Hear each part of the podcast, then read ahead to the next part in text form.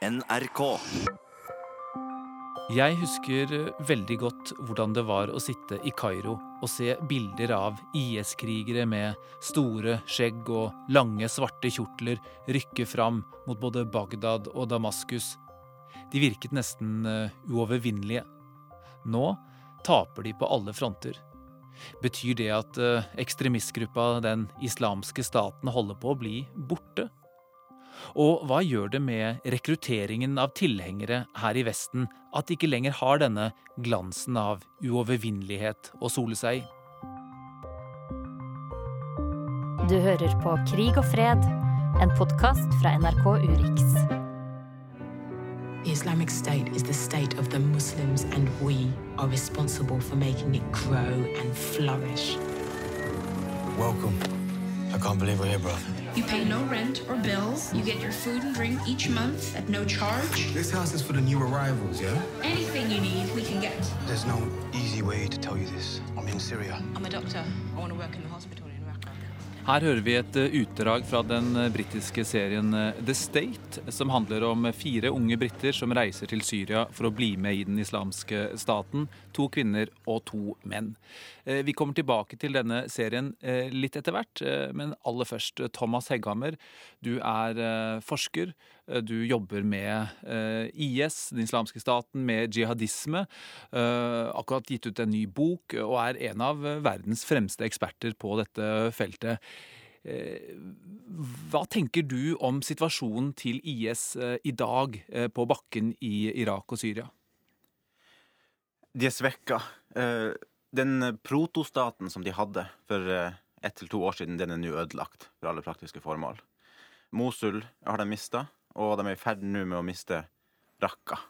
Så det som skjer nå, er at eh, det som har vært en territoriell organisasjon, er i ferd med å gå over til å bli en eh, ikke-territoriell organisasjon. Altså Hva mener du med eh, det? Ja, at gruppen ikke lenger kontrollerer territorium, og at de opererer måte, under jorda. Og de trekker inn i byer og former celler i hemmelige hus osv. Istedenfor å ha åpne hovedkvarter og med, med kontroll ov- over eh, egne områder. Så det blir en De går under jorda, rett og slett. Eh, så de blir mye svakere. Men det blir nok mye vanskeligere da å, å ta ut den siste resten av dem. Og i Syria så det også, har de også mange fiender. De har amerikanerne, de har russerne, de har den syriske regjeringshæren, iransk eh, kontrollerte militser med Hizbollah i spissen. Eh, Hvordan ser du på dette styrkebildet eh, i Syria? Jeg tror nok at IS eh, ikke vil være en spesielt viktig aktør fremover. Det er såpass mange andre organisasjoner som står sterkere. Eh, Og det er et såpass sterkt fokus fra det internasjonale samfunnet på å holde IS nede at eh, jeg tror ikke de vil komme tilbake til den posisjonen som de, som de hadde.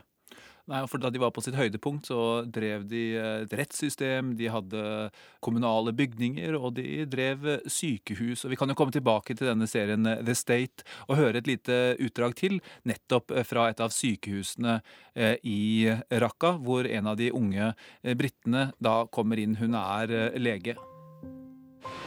نسوان من ورا يا اختي سامحني أخي أنا أريد أن أرى مدير المستشفى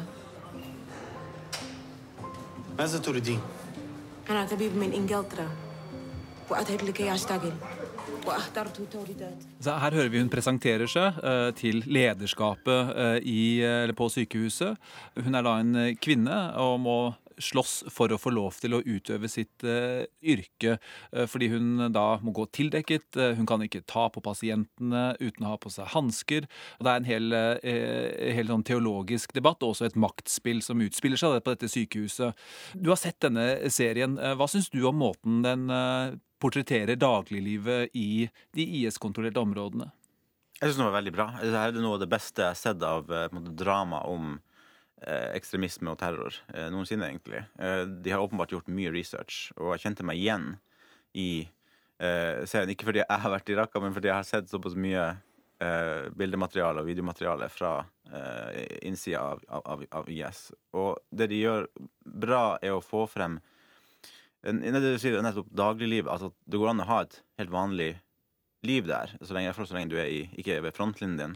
Og eh, det er mye eh, kan si, positive pos positive ting ved, ved livet der, altså, så- som, som, de, som rekruttene opplever det. Man har det hyggelig sammen. Man spiser middag eh, i lag eh, og koser seg. og Opplever et fellesskap. opplever fellesskap, og, og, og, og man f- fleiper med hverandre. Det er mye humor, lekenhet, eh, og mye musikk, og man ser på film og, og forskjellig sånt. Det er ikke den her dystre, mørke, brutale eh, hypermacho-kulturen som man kanskje kan få inntrykk av at det er da fra, fra den ekstreme propagandaen.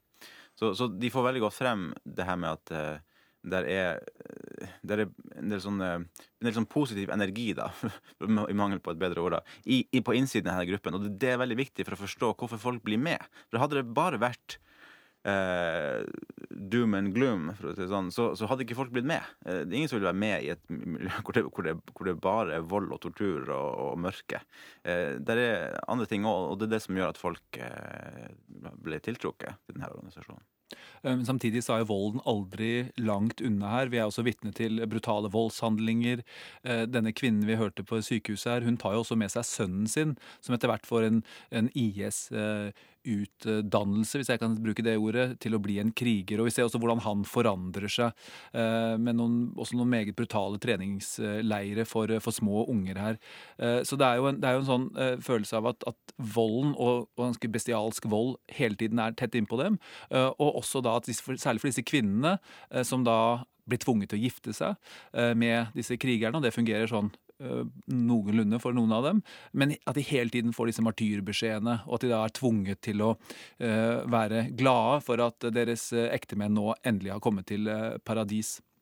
Ja, alt det her er, er, stemmer med ting som vi kjenner fra andre kilder. Og det som er interessant her, er jo at de får gått frem det her med at det gradvis at det blir, det blir gradvis verre. Det blir gradvis mer brutalt. Så når du kommer inn som ny rekrutt, ja, da er det fryd og gammen og hyggelige middager osv. Men så litt etter litt, uh, uke etter uke, så, så, så, så kommer det klarere frem hva du egentlig er med på.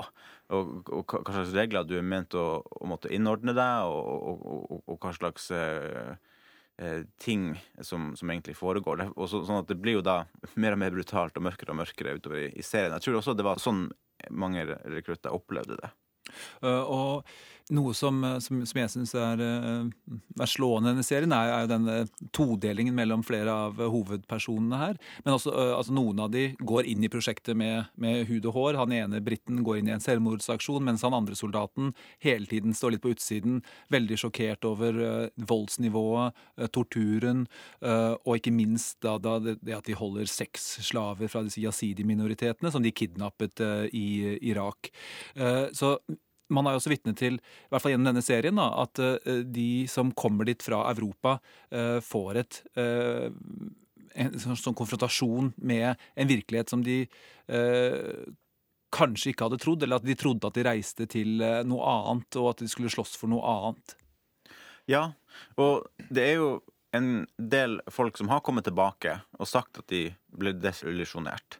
Det store spørsmålet er hvor stor andel var det som ble desillusjonert? Og det er vanskelig å bedømme fordi at eh, vestlige myndigheter har jo interesse av at eh, flest mulig At man får inntrykk av at flest mulig blir desillusjonert. fordi at det har en preventiv effekt på potensielle fremtidige fremmedkrigere.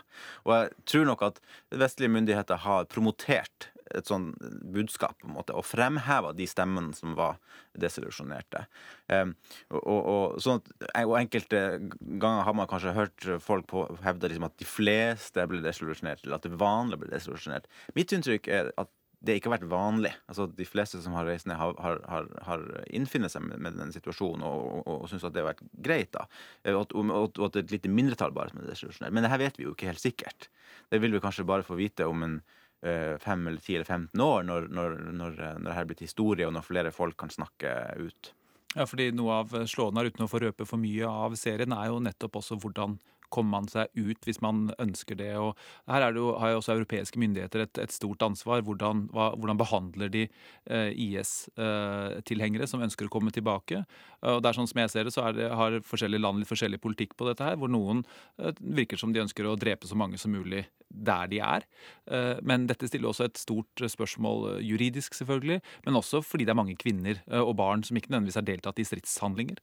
Ja, absolutt. Her er det masse dilemmaer. Man ønsker naturligvis å få en preventiv effekt, at, at, at andre skal bli avskrekka fra, fra, fra, å reise. På den andre sida så er det jo sikkert noen av de som reiste, som, som eh, kanskje ikke nødvendigvis reiste med intensjon om å slutte til IS. At de ble sugd, eller dratt gradvis i en mer radikal retning. Eh, det kan også hende at, at ikke, ikke, alle har vært med på de aller mest bestialske eh, voldshandlingene. Sånn at det, det, ulike, Folk har hatt ulike roller, ulike historier. da. Eh, og det det er jo naturlig å kanskje ta litt hensyn til, til, det. da. Så det er flere dilemmaer. Og når det gjelder barna, så er jo det et, et et eh, stort og tragisk spørsmål, eh, hvordan man skal håndtere det. Eh, og, og jeg tror jeg de fleste landene bare måtte føle seg, føle seg frem. Og vi, vi, står egentlig midt oppe i denne prosessen. Mm. Uh, og Vi har snakket om at IS er på tilbaketur, uh, og vi, gjennom den serien så merker man også at krigen er ganske tett på hele veien. Det er ofte bombeangrep mot uh, både sykehus og, og, og, områder de befinner seg i. og Dette vil jo bare akselerere. Vi, krigen pågår jo ganske intenst hele tiden, selv om ikke det er oppe i media. vi kan f.eks. høre litt fra krigføringen i, i Deir Zor her.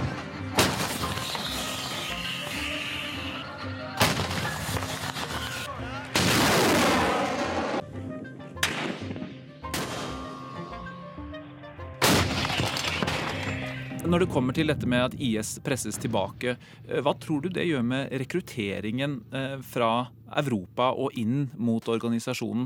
Eh, har den den samme tiltrekningskraften som den, som den hadde? Nei, og, og, og rekrutteringa har, har, jo praktisk talt stoppa opp. Det, det, er veldig få som reiser inn uh, i IS-land nå. Og det har vært stopp egentlig de siste 12-18 månedene. Nå kan jeg bare skyte inn én ting? Er, ja. er, er, det fordi vestlige myndigheter har satt ned foten sammen med tyrkerne, at ikke de klarer uh, å komme seg så lett inn? Eller er det fordi de ikke lenger klarer å rekruttere sånn som de gjorde tidligere? Jeg tror det er primært fordi at det er vanskelig å komme seg inn. Uh, så det er rett og slett barrierer som er satt opp. Og, og, og, og det er på en måte, og det er nok også færre igjen, på en måte. Altså, altså de, de, som, de, første 5000-6000 som reiste, det var liksom den lavthengende frukten. Og det her er ikke et bunnløst eh, basseng med rekrutter. sånn man begynte da liksom å nærme seg de, de mer sånn tvilerne i, i, i, rekrutteringsgrunnlaget. Men jeg tror nok at uh, de fortsatt har en appell. Det ser vi jo uh, på angrepene eh, som utføres stadig i, Europa av sympatisører. Vi ser det på forbruk av, IS-propaganda på, på, nettet. Jeg ser for meg at uh, den ideen om et kalifat kan, kan leve videre selv om territoriet forsvinner.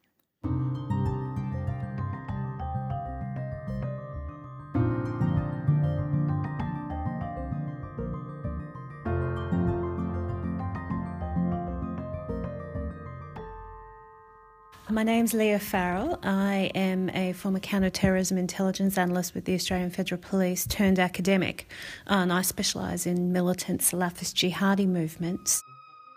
En av grunnene til at jeg hadde lyst til å prate med Lia, er et bilde jeg ikke får ut av uh, hodet. Eh, det er et par år gammelt, og det kom på sosiale medier. Det var en australsk pappa som la ut bilde av sønnen sin, og sønnen holdt da et avkappet uh, hode. Uh, og pappaen hadde da lagt ut dette med en billedtekst 'That's my boy'. Uh, og det har jo ikke mangla på grotesk propaganda uh, fra IS-hold, uh, men dette er noe av det verste jeg har sett. Og jeg tenkte da at Lia som tidligere politikvinne, nå forsker, og også australsk, så jeg tenkte at Lia kunne være et bra menneske å snakke om den hendelsen med. And then the story about the young boy holding off this severed head. What, what, what, what, can you just tell me the background of that? We had um, we had a group of people that went over um, and ended up with the Islamic State who had earlier been involved in attempts uh, to plot an attack in Melbourne and Sydney in the early 2000s. Uh, they served time, they were sentenced and released, and then managed to leave the country. Uh, and one of them in particular was known for his brutality. Uh, he was he was a bit of a standover extortion merchant in Australia. He'd been reported dead uh, several times, and he uh, gained attention worldwide because it was his children that were pictured holding up the um, the heads, the severed heads of, of, of murder victims over there uh, in Raqqa, I think it was, and a few other places, and that's been quite a strong story in Australia because most recently, when he was declared dead, there were reports that he was travelling with two of his children in the car and that the Australian government was involved in passing over details that helped him be targeted. Now, there has been no official confirmation he's dead, uh, but there was a lot of debate in Australia because they are Australian children mm. um, and they were taken as small children to a war zone, and obviously that's raising a lot of ethical questions um, in, in some circles about what our government is doing. Uh, and uh, the questions around that is is there an unofficial policy in Australia or in other countries where they just don't want these people back? Selv om eh, IS eh, altså er på tilbaketog i Syria og Irak og har tapt nesten alle eh, områdene de kontrollerte der, så gjennomfører de fortsatt hyppige terrorhandlinger i Europa. Eh, og i Australia så var det et eh, mislykket eh, terrorforsøk som har fått mye oppmerksomhet. Det er kjent som The Plane Plot i Australia. Og det handlet om et IS-medlem som forsøkte å plassere en bombe på et fly som skulle ut fra Sydney.